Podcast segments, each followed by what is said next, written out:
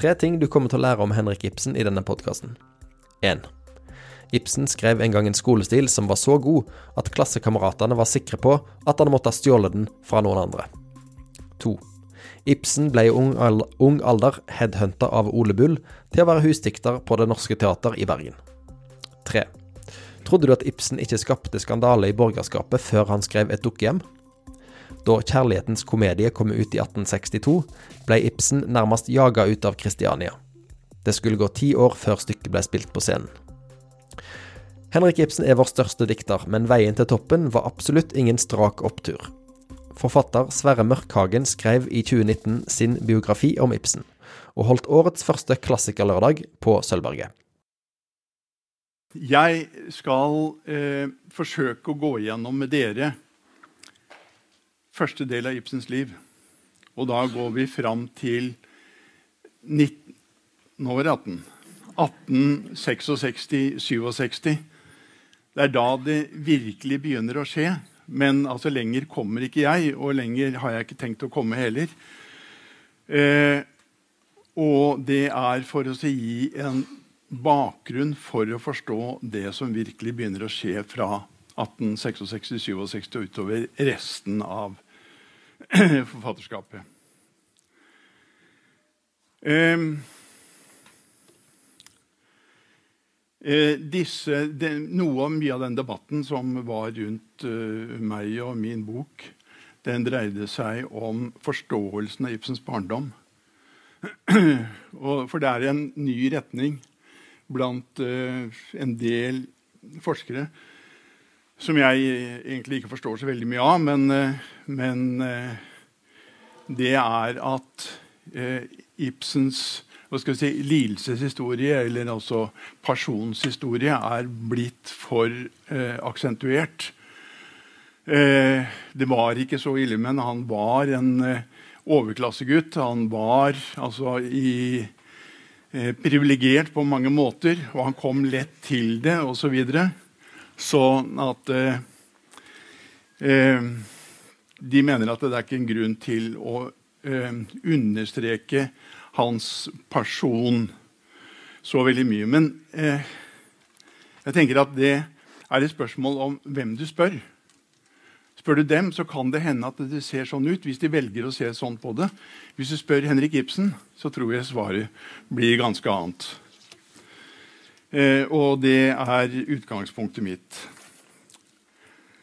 Eh, han var en begavet gutt. Det er ikke noe tvil om det. Eh, sånn at, og det gjorde at problemene hans oppsto ganske tidlig. Problemet til begavede barn er at de har ingen mulighet for innsikt i sin egen begavelse. Så det kan hende at de ser ting og kommenterer ting, sier ting som de tror eh, tar for gitt at andre også på samme alder eh, observerer. Og så forsøker han å, å, si dette her, og så opplever han da at det er ingen som skjønner hva han snakker om. Og når den eh, konstellasjonen oppstår, så oppstår en forvirring eh, hos de som tar imot, selvfølgelig, men størst hos den som sender ut disse signalene. Fordi ingen andre skjønner hva han snakker om. Så, så hvor ligger problemet her? Sånn er det jeg som er, som, eh, er helt på jordet, osv. Uh, denne konflikten den uh, er nesten umulig å løse for barn. Og Det førte jo til at han trakk seg unna og holdt på med sitt eget. han eh, gjemte seg, hadde sine egne avlukker hvor han fant noen bøker. Og han satt der og utviklet disse eh, eh, dukketeaterspillene sine, tryllekunstner, og eh, holdt på med sine egne ting. Han, han, var jo ekshibisjonist, så han ville jo gjerne vise også. Når han hadde laget et dukkespill, så ville han vise de andre det, sånn at han fikk en veldig spesiell posisjon blant de andre barna. En av avlukkene han hadde, det var eh, et utbygg ved, ved driftsbygningen hvor han kunne lukke døra og stenge seg inne. Og når han gjorde det, så begynte de andre ungene var irritert på dette her, så de begynte å kaste stein på veggen for å forstyrre han og erte han. og sånt. Nå var det vinteren, så kastet de snøballer. Og eh, de holdt på helt til han sprakk og ble sint og kom rasende eh, ut døra. Eh, han var jo ikke i stand til å ta dem igjen, så de kunne jo bare stikke unna. Og, eh, sånt, men de hadde oppnådd det de ville. Fått han sint og fått en reaksjon ut av han, ut av denne gutten som de ikke skjønte noe av, som var så annerledes enn alle de andre. Så eh, denne opplevelsen, den eh, hadde han veldig tidlig. Fra første begynnelse. Eh, nå er det jo sånn at Når man vokser til, så er det andre i kretsen som eh, modnes også. Og en og annen begynner da å uh, bli mer intellektuelt modne også. Eh, sånn at eh, da han kom i den eh, alderen hvor han, det var aktuelt å begynne på skolen, det var i 13-14-årsalderen den gangen, Eh, det var bare eh, fattigfolk som sendte, på, eh, sendte ungene sine på allmueskolen.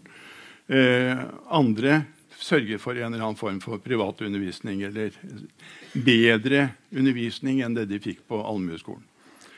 Så han begynte eh, med farens eh, innsats på en privatskole, nyoppretta privatskole i, i eh, Skien. som eh, 13-14-åring, 12-13-åring kanskje. To år i skole. Eh, den eh, var parallell med borgerskolen, som var kommunal. Men begge to kosta penger å gå på, sånn at eh, det var det samme. Så han gikk først hos denne Johan Hansens privatskole, og senere så gikk han over på borgerskolen. Vi vet ikke hvorfor. Men eh, da fikk han for det første fikk han noen venner. Og de hadde en sånn eh, liten klikk som de holdt sammen og var intellektuelle og skrev dikt til, om, ikke til hverandre, men for hverandre osv. Så, eh, så eh, da fikk han eh, venner utenom familien. Eh, da kom det også til uttrykk noe av denne følelsen av å være bedre stilt, eller i hvert fall ha bedre bakgrunn enn andre. og sånt noe. Eh, Knut var jo veldig der. Eh, vi må ta med litt av Knuts interesse, altså Knut faren. Eh, eh ta med litt av hans eh, eh, historie også, for den griper inn her.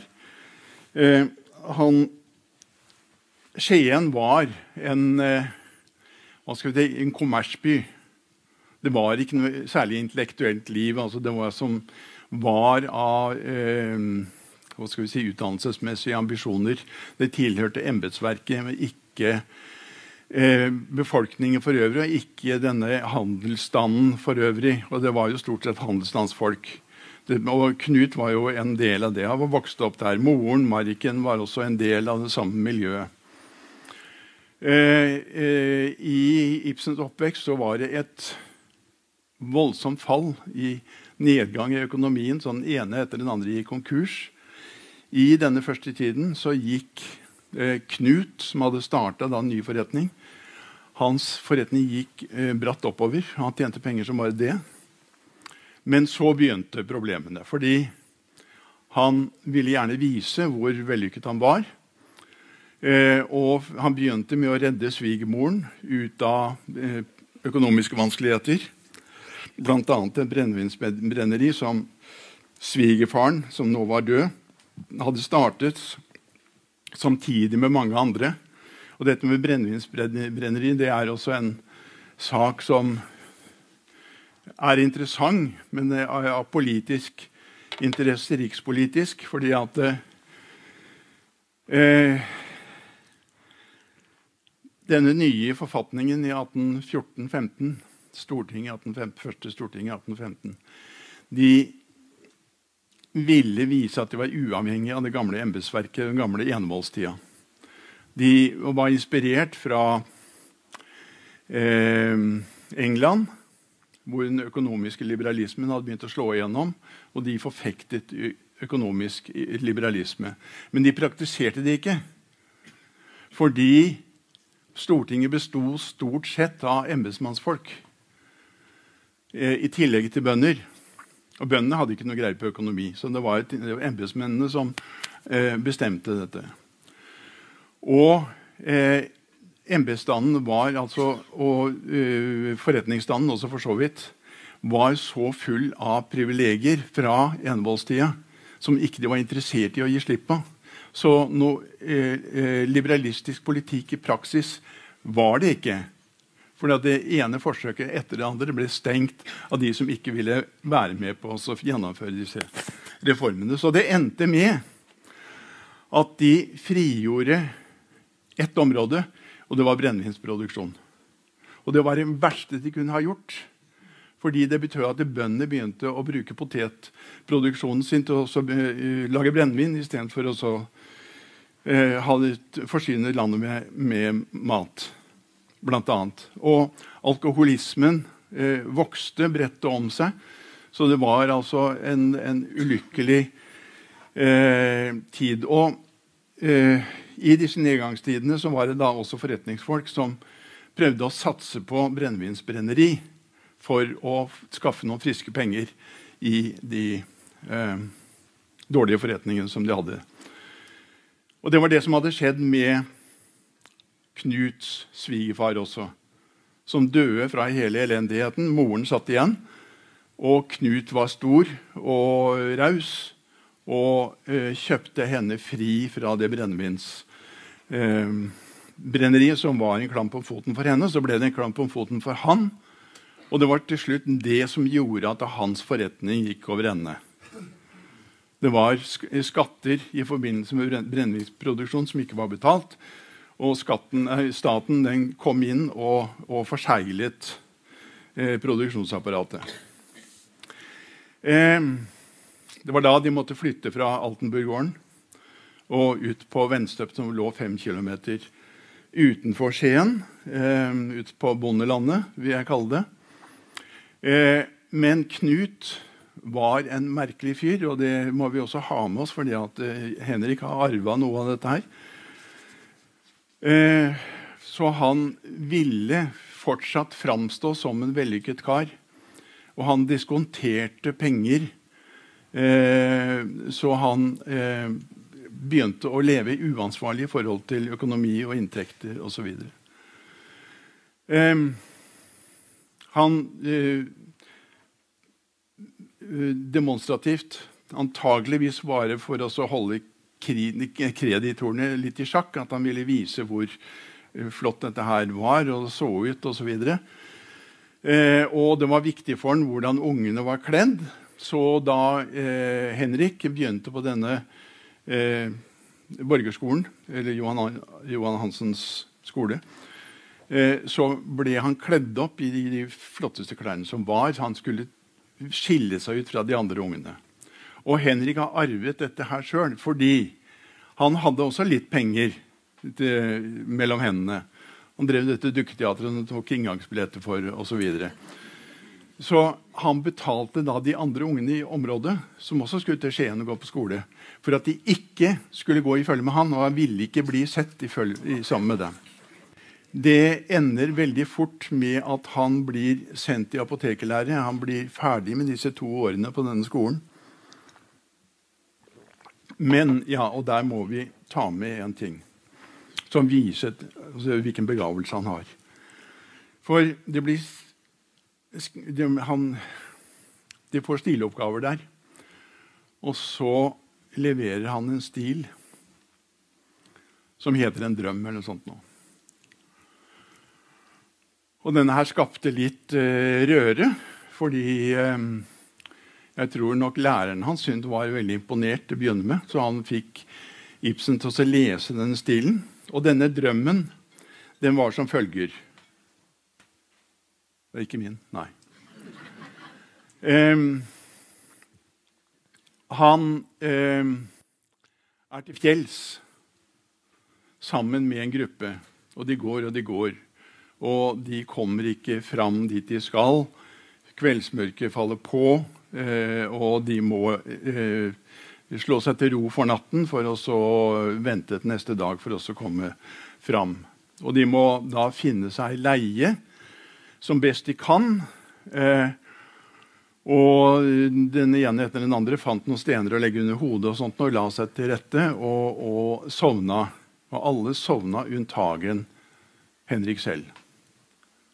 Han lå lenge og tenkte og var engstelig og, eh, videre, men til slutt så sovnet han også, og så drømmer han. At det kommer en engel til han og den engelen sier at nå skal du følge med meg, og så skal jeg vise deg noe. Og så går de videre nedover et steinete landskap, sånn øde, eh, karrig, skremmende landskap. Kommer de ned til et område hvor det ligger masse beinrangler. Og når de kommer fram til disse her, så begynner de å gripe etter Henrik og jamre og, og appellere til han. Og Eh, så slutter stilen med at han eh, skrek av angst. og våkna at han skrek av angst, drivende våt av svette. Og så sier engelen da til slutt at eh, her ser du resultatet av forfengelighet. Det er ikke noen hvilken som helst 14-åring som skriver dette her, altså. Og en av disse eh, elevene, medelevene var litt belest selv, så han protesterte. Det er ikke mulig at, her, at, han kan ha skrevet dette. her. Han mener at han hadde lest det et annet sted. Så det oppsto en og, og, læreren da uh, snudde 180 grader og, og uh, hang seg på den mistanken om at dette her var da en, en et plagiat. Og Henrik han protesterte med alt han kunne. Eh, noe av det han var mest engstelig for, var skandaler. Og han eh, var helt fortvila. Eh, jeg tror nok at han har, hatt, har lest noe lignende, men, men, men jeg tror også på han at han ikke har hatt et forelegg. Eh, så, men at, har, at, noe har brakt han inn på disse tankene, disse forestillingene osv., det kan nok hende. Uansett så er det et uvanlig trekk fra en 14-åring å skrive noe sånt. Det neste, eh, og det da er eh, Dette her skjedde i 1842. Neste er i 1849. Vi vet veldig lite, fordi at all Eh, dokumentasjon og brev og alt mulig ble jo brent av først Susanna og så Sigurd. Eh, I 1849 så er det bevart, og det ble funnet i departementets arkiver, faktisk. Noen skolestiler som han skrev da han forsøkte å Eller da han forberedte seg til artium. Han var i Grimstad. Eh, og der skrev han i en av stilene, det mest interessante, heter da 'Om viktigheten av selvkunnskap'. Og Da var han 21 år, og da er det veldig tydelig at Og den er veldig god, og den er innsiktsfull. Eh, så, og den er å få tak i. sånn at hvis dere kommer på et litt av flis av Henrik Ibsens skolestil, tror jeg den heter Få tak i den. Den er eh, kjempeinteressant. Um, ja. I mellomtiden så fortsatte Knut å diskontere penger. Uh, hans uh, uh, forretning hadde kollapset fullstendig. Det var ikke snakk om at han kunne fortsette med det. Så de hadde faktisk ikke noe å leve av. Og allikevel så klarte altså Knut å diskontere penger fra bl.a. svigermoren og jeg har mistanke om at de, de 1500 spesiene som han fikk fra svigermoren, de var penger som han hadde betalt henne bl.a. for brennevinsbrenneriet, som han da spurte om å få låne tilbake igjen for en tid. Diskontering eh, er jo et slags lån på eh, tidsmålt eh, tid. Og bl.a. et eh, handelshus i Hamburg Kragelius, tror jeg det het, som hadde hatt store problemer med å få inn eh, eh, eh tilgodehavner hos, eh, hos, eller fra, eh, Henrik, fra Knut Ibsen.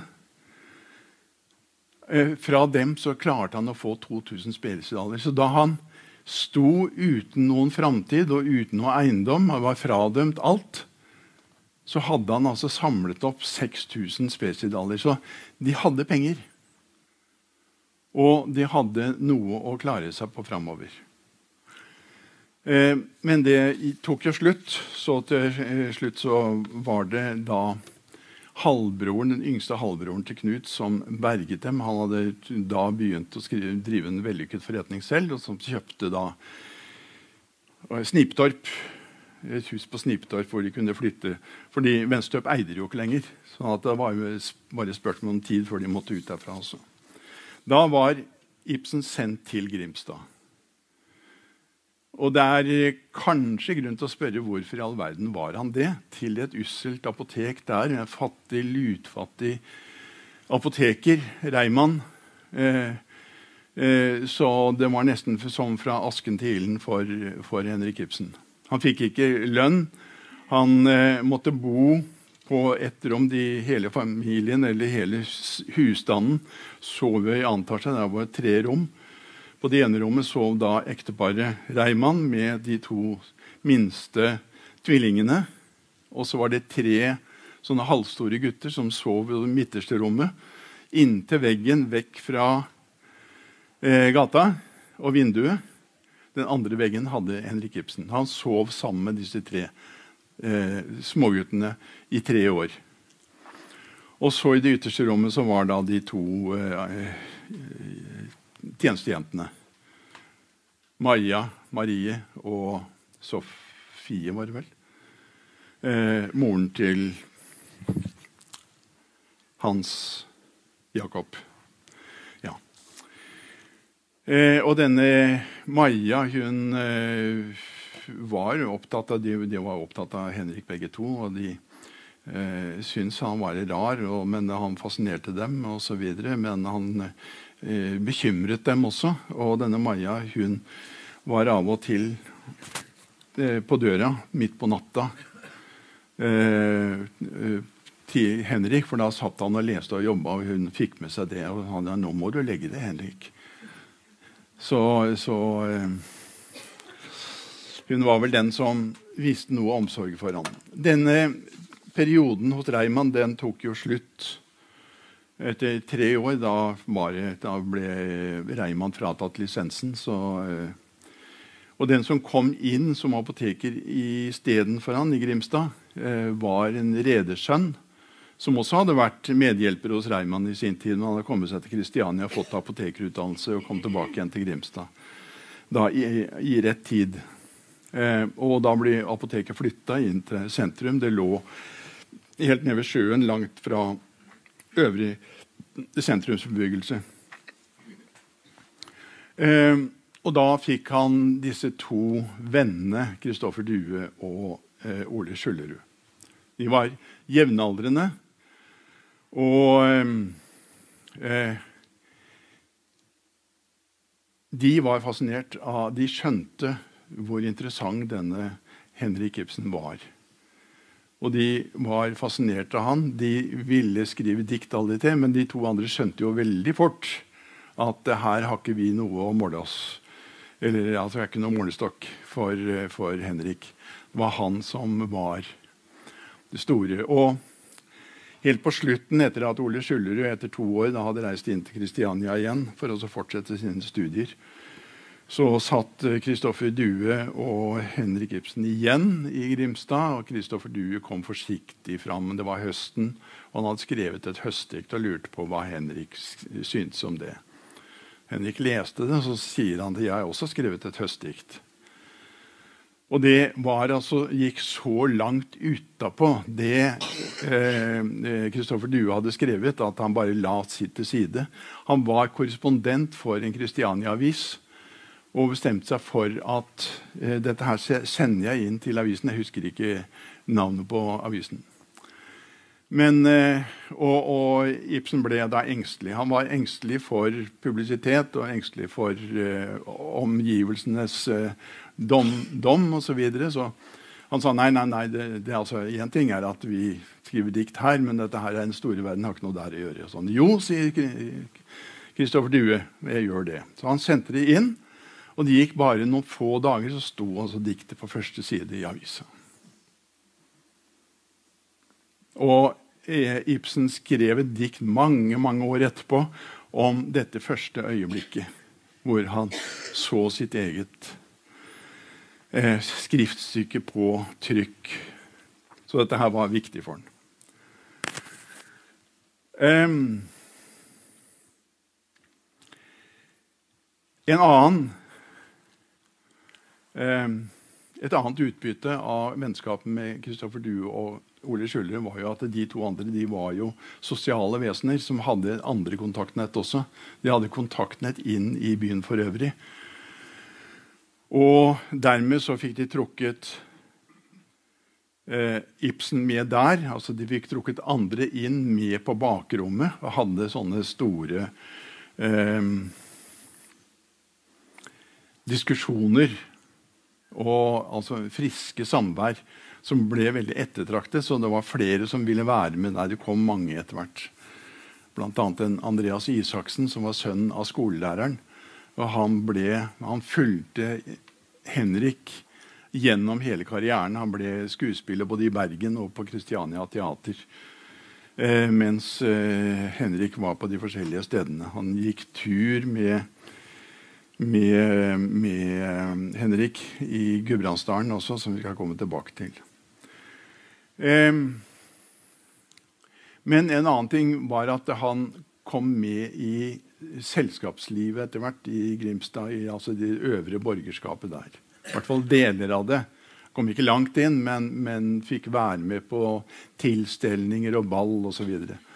Første ballet så eh, måtte de gjøre noe med eh, klærne hans. Fordi han hadde ikke klart å gå i, sånne selskaper med. Så, hva skulle de gjøre med det? Ingen hadde penger. Eh, så de bestemte seg for å gå til en av rikingene i byen og spørre om han ville forskuttere en skredderregning, sånn at Henrik kunne få seg ballutstyr til å gå bort med. Og denne eh, denne rikingen, han eh, går med på det. Jeg forskutterer dette her. Jeg vet ikke om det blir stilt noen betingelser. Men i hvert fall, da de diskuterer dette her etterpå, Eh, så viser Henrik noe av den manglende fraværet av økonomisk moral som han har lært av faren. Han sier at når mannen er så dum å forskuttere dette og låne meg penger, så eh, er han vel ikke også så dum at han tror at han får pengene tilbake. Så han fikk aldri pengene tilbake. Eh, en annen, en annen, følge av dette var at han kom sammen med unge, vakre ungpiker. Han var sky. De forsøkte å få han ut på dansegulvet. Eh, det ville han ikke, han kunne ikke danse. Det ble påstått fra tida på Gjerpen at han var glad i å danse, men han ville ikke det i Grimstad. i hvert fall. Men så var eh, eh Ole Skjølleruds yngre søster Marie var en av de vakreste jentene i, i byen. Eh, og de fikk henne til å dra med seg Henrik ut på dansegulvet, og så var han i gang med det også. Så han danset og hadde det. Men, men, men han var sky, og eh, han var betatt av disse jentene. Men han turte ikke å vise det. Så måten han fikk utløp for dette, denne opplevelsen med disse vakre unge jentene, som var helt nytt for ham, og det bruste osv. Var å gå hjem og skrive dikt. Så han var på ball, så gikk han hjem og skrev dikt. Og så var han på nytt ball, og så gikk han hjem og skrev dikt. Og til slutt så ble det da en, en slags eh, ja, konkurranse, eller altså eh, Alle ville, alle disse vakre unge jentene de ville jo danse med Henrik, for de ville ha et dikt etterpå. Og det fikk de. Eh, helt mot slutten så var det en ung jente, Clara Ebel, som eh, var annerledes enn de andre. Hun var litterært eh, opptatt, og hun var god til å, hun elsket musikk. Og det endte med at hun var ikke blant de vakreste, men hun var et yndig vesen. Uh, og det endte med at de ble istedenfor å danse, ble de sittende og snakke og snakke. og snakke. Om det var i én tilstelning, eller om det var i flere, det vet jeg ikke. Det går ikke fram av historien. Men i hvert fall uh, uh, Ibsen var veldig betatt av henne. Og det er vel like før han skal forlate Grimstad. Eh, så de fikk ikke fullført dette her. Eh, noe av grunnen til at han kunne slippe seg så langt, som å åpne for disse følelsene overfor Clara Ebel, var antageligvis at Clara Ebel var forlovet. Hun var forlovet med sin 17 år, gam, gam, 17 år eldre onkel. Så eh, det var så som så dette her, og man kan jo lure på hva slags arrangement dette her var osv. Men Klara var jo et veloppdragen eh, jente, så hun var lojal mot denne forlovelsen. Så det var en linje der som de klarte liksom å holde seg på hver side av. Eh, I løpet av dette, denne tiden så eh, driver jo eh, Henrik og forbereder artium. Han, han begynner i Grimstad. Og eh, eh, har noen eh, manduktører der som eh, driver i latin, annet. Eh, og et par andre fag. Og så har han en i Kristiania som driveren i eh, norsk, i morsmålet. Og det er da han skriver denne stilen om Har jeg snakket om den? Om viktigheten av selvkunnskap? Ja, jeg har snakket om den. Ja, nettopp. Da kommer den. Um, så drar Henrik da inn til Kristiania selv. Tiden i Grimstad er over. Uh, han har skaffet penger nok. Det vil si, han det er, det er mye som er rart med dette. her sånn. Eh, og noe av det rare er at det nå er faktisk Ibsens forhold til sin egen familie over. Han besøker aldri familien mer. Eh, bortsett fra på denne turen fra Grimstad til Kristiania. Da stopper han, hopper over i en båtovergang, venter til prins Carl kommer neste gang for å dra videre inn. Og da drar han. Eh, det er ting som tyder på at det var ikke først og fremst familien han ville besøke. Han ville besøke sin onkel, han som hadde skaffet familien Snipptorp. Han satt godt i det. Og eh, Henrik trengte penger. Han fikk nok noe. Om det var der han fikk pengene til det to måneders eh, kurset hos Heltberg, det vet vi ikke. Men i hvert fall, han kommer da til Kristiania med penger nok til et to måneders kurs der. Eh, mens han er der ja, det er det også. At han skal jo ta artium. Han vet det i, i, Grimstad. Men så kommer alle diktene som han vil skrive, og så skyver han det til side. Og så begynner han da å skrive sitt første skuespill også. Katelina. Så han tar valg allerede der om hva han skal bli, uten å eh, proklamere dette her til omverdenen. Men inni seg så prioriterer han det ene foran det andre. Det var jo snakk om at han skulle komme inn på medisinstudiet og bli lege. Men det er noe som driver han og driver han. Han har jo oppdaget sitt eget talent, sin egen begavelse.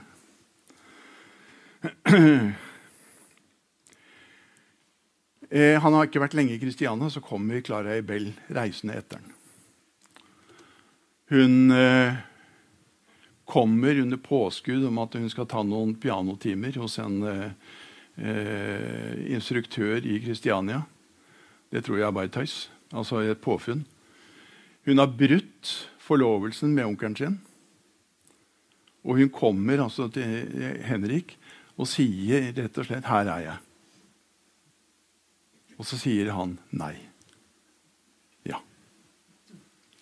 Han, har, han er da i gang med noe annet. Han er kommet inn i miljøer, er inne i tranebevegelsen, som også holder på å gå aldeles gærent. fordi at han, eh, Når de, politiet begynner å gå i arkivene, så er han livredd for at han skal bli trukket inn i eh, alle de rettsoppgjørene. Det går bra. Eh, Vinje, hans venn da, eh, klarer seg også unna det. Men han sier altså nei til Clara Ebel. Eh, og det er altså et indre valg som han har tatt.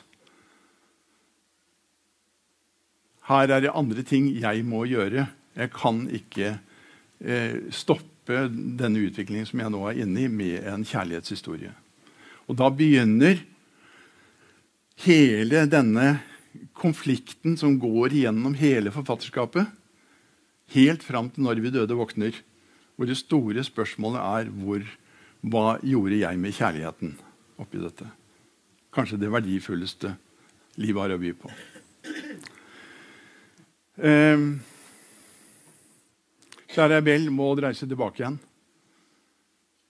Eh, hun eh, er helt sikkert ganske skuffet. Det går seks år, så gifter hun seg med onkelen sin. Ja. Um, Henrik har nok uh,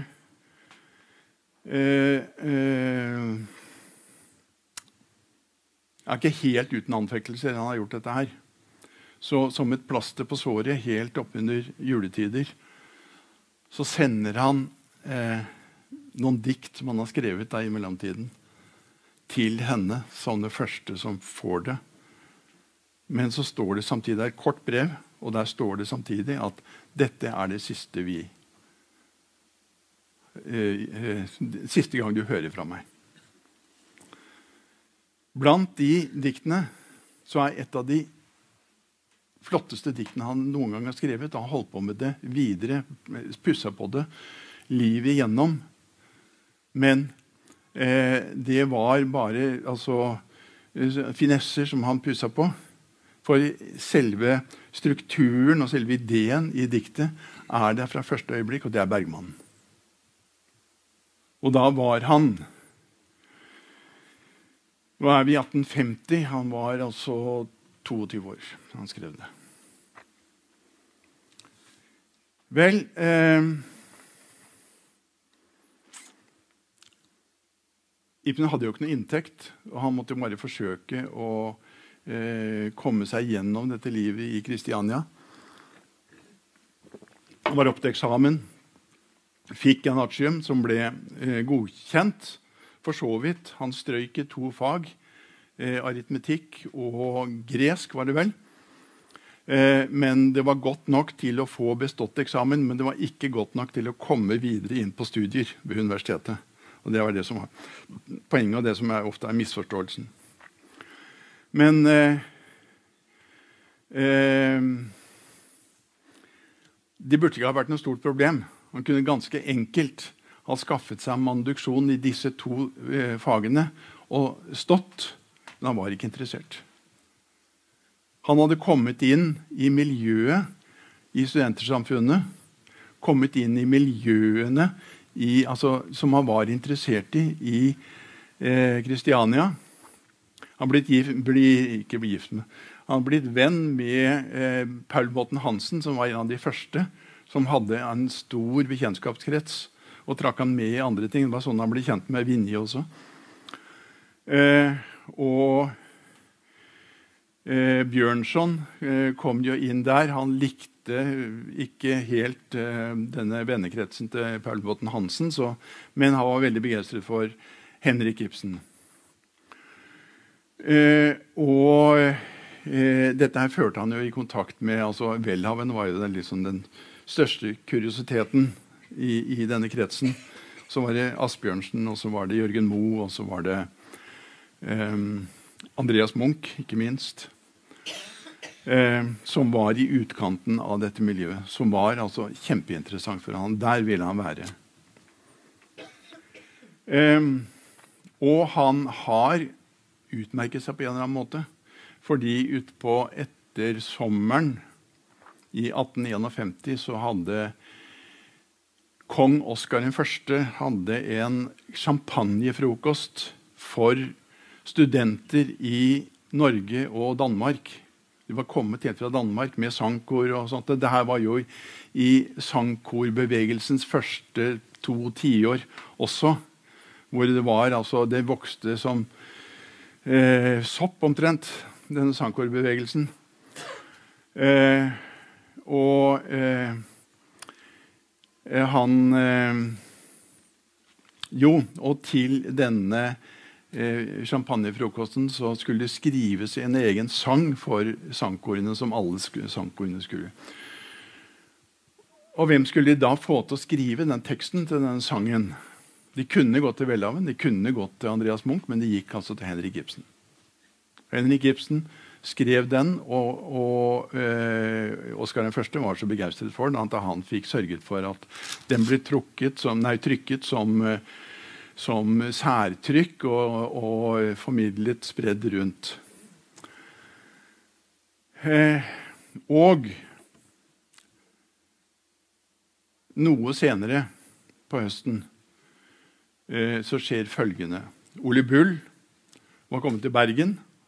Han var verdenskjent og stor stjerne, hadde vært i Amerika og turnert og eh, erobret hele Europa med sitt spill og var en eh, Han var en, en, en eh, solist, altså en solospiller, i alt han holdt på med. Eh, og et av hans ideer akkurat da var at nå måtte teatret bli norsk og ikke dansk. På Christiania Teater så spilte de altså med danske skuespillere. De spilte på dansk, de spilte dansk dramatikk. Det var nesten ikke noe norsk dramatikk. Eh, og hvis ikke de spilte dansk dramatikk, så spilte de oversatt fransk dramatikk. Og det danske språket ble da eh, forbundet med kunst og eh, eh, diktning eh, Det norske språket var ansett som udugelig, ubrukbart til det. Det var bondsk, og særlig østlandsk. I Kristiania kunne bergensk de kunne gå an. Eh, fordi det hørtes annerledes ut, og de var litt mer verdensvante der. Eh, så eh, Ole Bulls uh, kongstanke på denne tiden var å starte et eget norsk teater. Få det norske språket inn som et uh, fullgodt kunstnerisk språk. Uh, og dette teatret skulle ikke være i Kristiania, for det var altså en, en ja, de hadde, de hadde, ikke de, de eh, europeiske tradisjonene som de hadde i Bergen, så han ville ha de i Bergen startet Det Norske Teater i Bergen.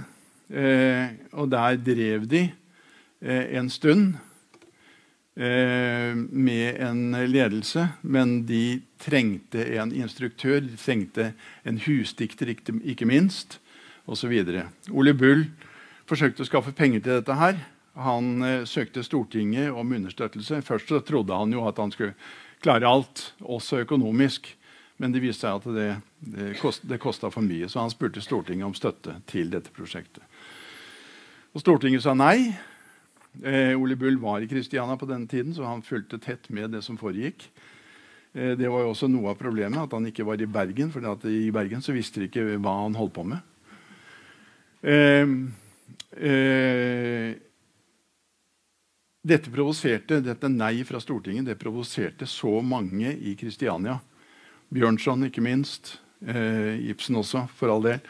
Men eh, Studentersamfunnet de bestemte seg da for å lage til en kulturaften på Frimurerlosjen hvor alt det beste fra norsk. Og innen musikken så var det jo flere da musikere og komponister og sånt som kunne bidra. Og Andreas Munch ikke sant, med, med sin eh, lyrikk osv. Så, videre. så til inntekt for Ole Bulls teaterprosjekt i Bergen.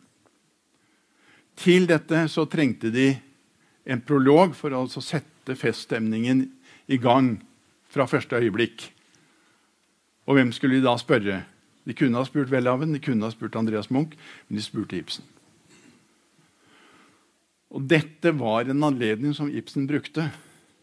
Den prologen er altså så fantastisk god og fyndig, lang, innholdsrik og perspektivrik. Eh, det ble framsatt av en kvinnelig skuespiller som jeg ikke husker navnet på nå. Men i hvert fall den skapte sånn voldsom begeistring fra Ole Bulls side, ikke minst, at han bestemte at denne karen må jeg ha med til Bergen. Han skal være vår husdikter. Han skal være den som skal drive fram det norske i teatret vårt. Han har nok fulgt dette her, så han har nok vært klar. Han reagerte ikke bare på framføringen den ene kvelden. Fordi båten, siste båten til Bergen gikk neste morgen. Og der var både Ole Bull og Henrik Ibsen om bord. Men eh, nå kommer vi til Bergen. Og eh, hans rare eh, framtoning den kommer enda mer til syne i Bergen. Eh, og han egner seg jo ikke til altså, scenevante skuespillere som er selvsikre osv. Og, så videre, og så kommer denne tuslingen sky, sjenert, eh, hviskende. Eh, så han skapte mange undrende reaksjoner. Men eh, etter hvert så var det én og så var det en annen som, som oppfattet at han hadde noe å tilføre dem. Han ble sendt på en studiereise Eh, det kosta faktisk eh, teaterledelsen på han. Så han fikk to måneder hvor han kunne reise til København og Dresden. I København så møtte han da eh, bl.a. Johan Ludvig Heiberg, ikke minst, som var den store nordiske høvdingen innen litteratur og kultur på den tiden. Og teatermann, selv dramatiker, og som ville framover med dramatikken. Han ville ha mer realisme inn i dramatikken, sånn at det ikke skulle komme noen forteller inn på scenen og forklare hva som foregår. Alt skulle foregå gjennom handlingen. Det var et av Heibergs uh, uh, hovedanliggender. Dette her sugde Henrik Ibsen til seg. I Dresden så gikk det ikke fullt så bra. Der var det I.C. Dahl som skulle være kontakt uh, altså bergenseren, kunstprofessoren i Dresden. Han skulle være eh, Ibsens kontaktperson. Eh, han var ikke der, så han fikk aldri møtt IC. Eh, fikk eh, en slags kontakt med han, sånn at han fikk åpna noe, men han måtte betale billettene på teatrene osv. Eh, og så han eh, oppdaget der et lite eh, hefte om teaterkunst skrevet av en Hetner som ville også modernisere teatret. Og Det leste han mens han var der. Og han sier at det var som jeg var i Dresden i fire måneder. For det, var et sånt sprang framover. Han kommer tilbake da full av eh, impulser og skal begynne å skape diktning i Bergen. Første året så var han på den reisen, så fikk han ikke gjort det. Neste år så eh, kom det litt brått på han da også, så han hentet fram Kjempehøyen, som han hadde fått på antatt av Christiania Teater allerede i 1850. Så han satte opp det på nytt, eh, utbroderte det, skrev det om osv.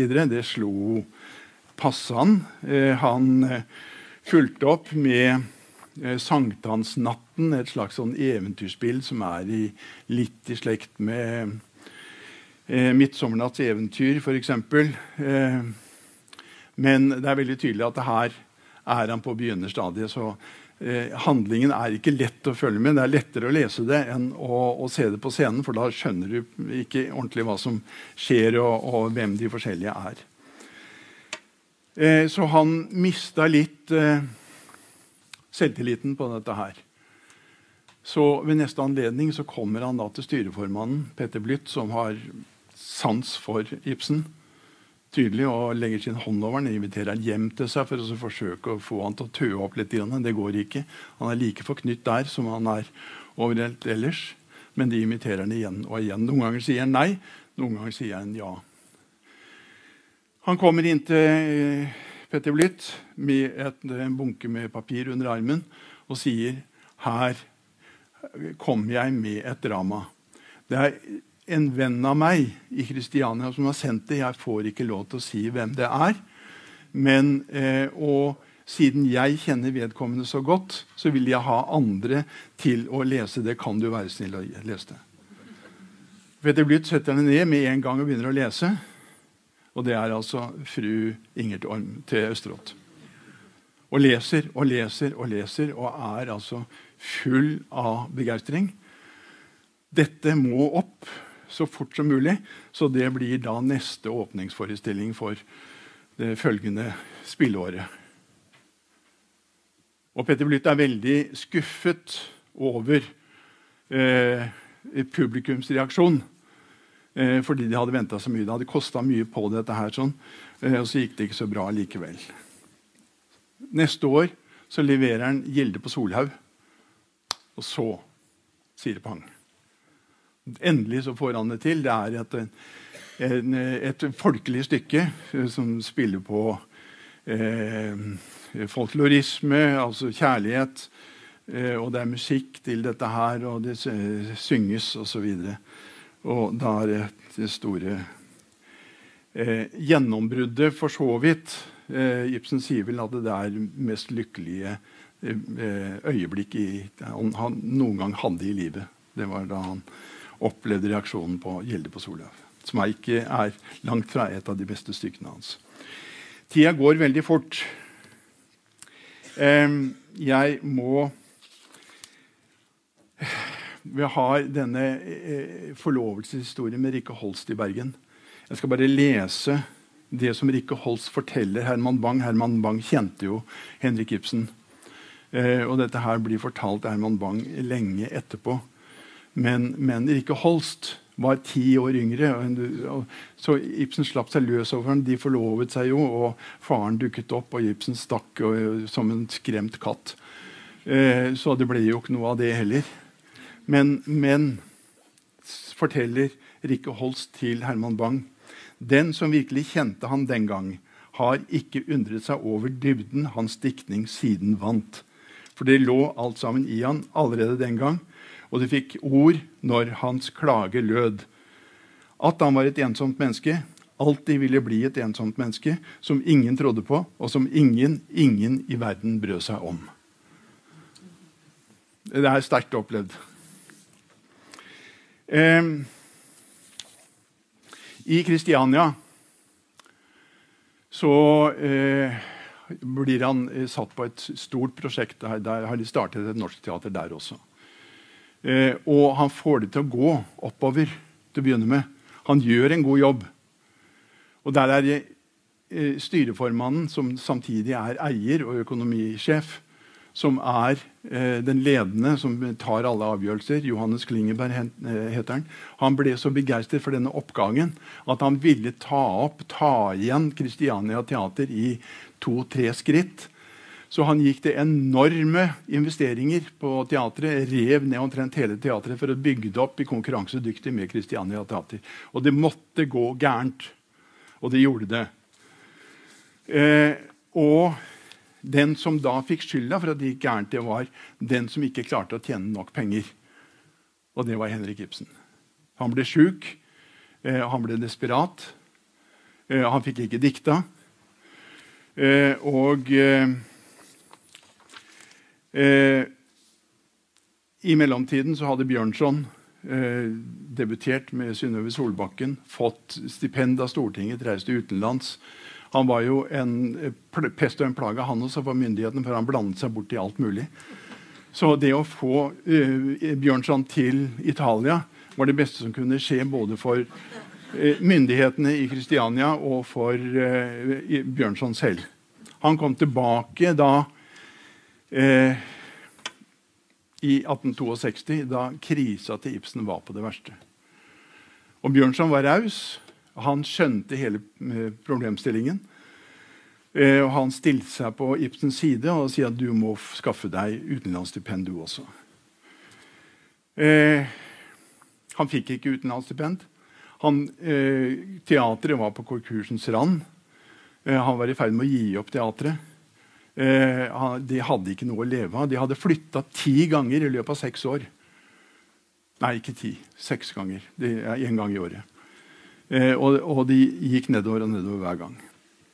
Ibsen var upopulær. Han hadde én, ett håp om å tjene penger, og han hadde holdt på med, et, uh, holdt på med to dra, dram, dramaer. Et middelalderdrama og eh, det som da ble 'Kjærlighetens komedie'. 'Kjærlighetens komedie' fikk han ferdig, middelalderdrama fikk han ikke til. Eh, og han søkte penger om innsamling av folkeminne og fikk da penger til det. Så han reiste en tur sommeren 1862 eh, oppover Gudbrandsdalen, eh, Nordvestlandet, nedover Gudbrandsdalen igjen. Og der har han hørt et og annet om en og annen sangperson der, bl.a. Kommer tilbake, får ferdig 'Kjærlighetens komedie'. Det blir antatt av Christiania Teater. Og så blir det utgitt. Det er Perlbråten Hansen som trykker det i sitt illustrerte nyhetsmagasin. Nyhets, ja.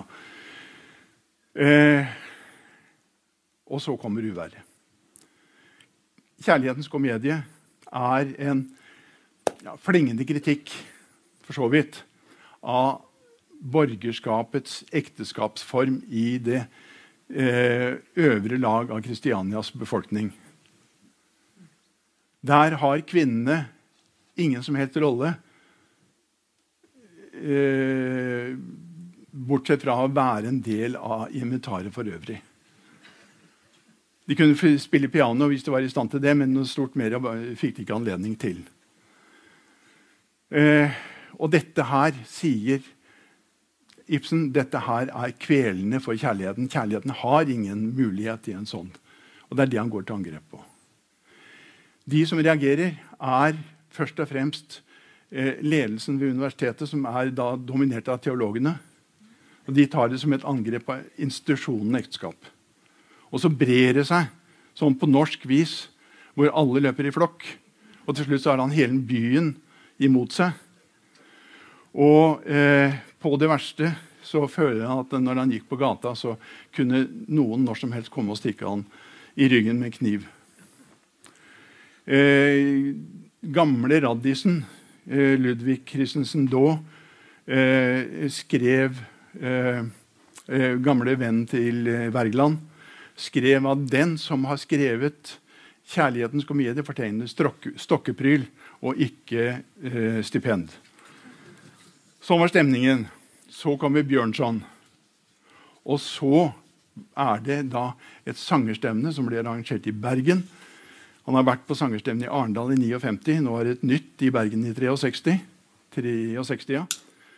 Eh, og eh, eh, Bjørnson skal dit. Ibsen har én kontaktflate, og det er Studentersangforeningen. For der har han skrevet tekster for dem. Og de inviterer han med til Bergen. Så kommer han til Bergen, og så møter han gamle venner der som alle syns det er hjertelig hyggelig å eh, møte Ibsen igjen. Og Bjørnson tar han med rundt sammen med seg. Som, altså han er den suverene midtpunkt uansett. Han, han, kan jo ikke se for seg at han ikke skal være midtpunkt uansett hvor han er. Og Ibsen er med og er sky, sjenert. Og så begynner han å betrakte. Og så betrakter han, og så betrakter han. Og så finner han ut nå må jeg komme meg tilbake til Kristiania. For nå vet jeg hvordan middelalderdrama skal skrives. Så drar han tilbake til Kristiania. Det tar en halvannen måned å skrive 'Kongshenderne'.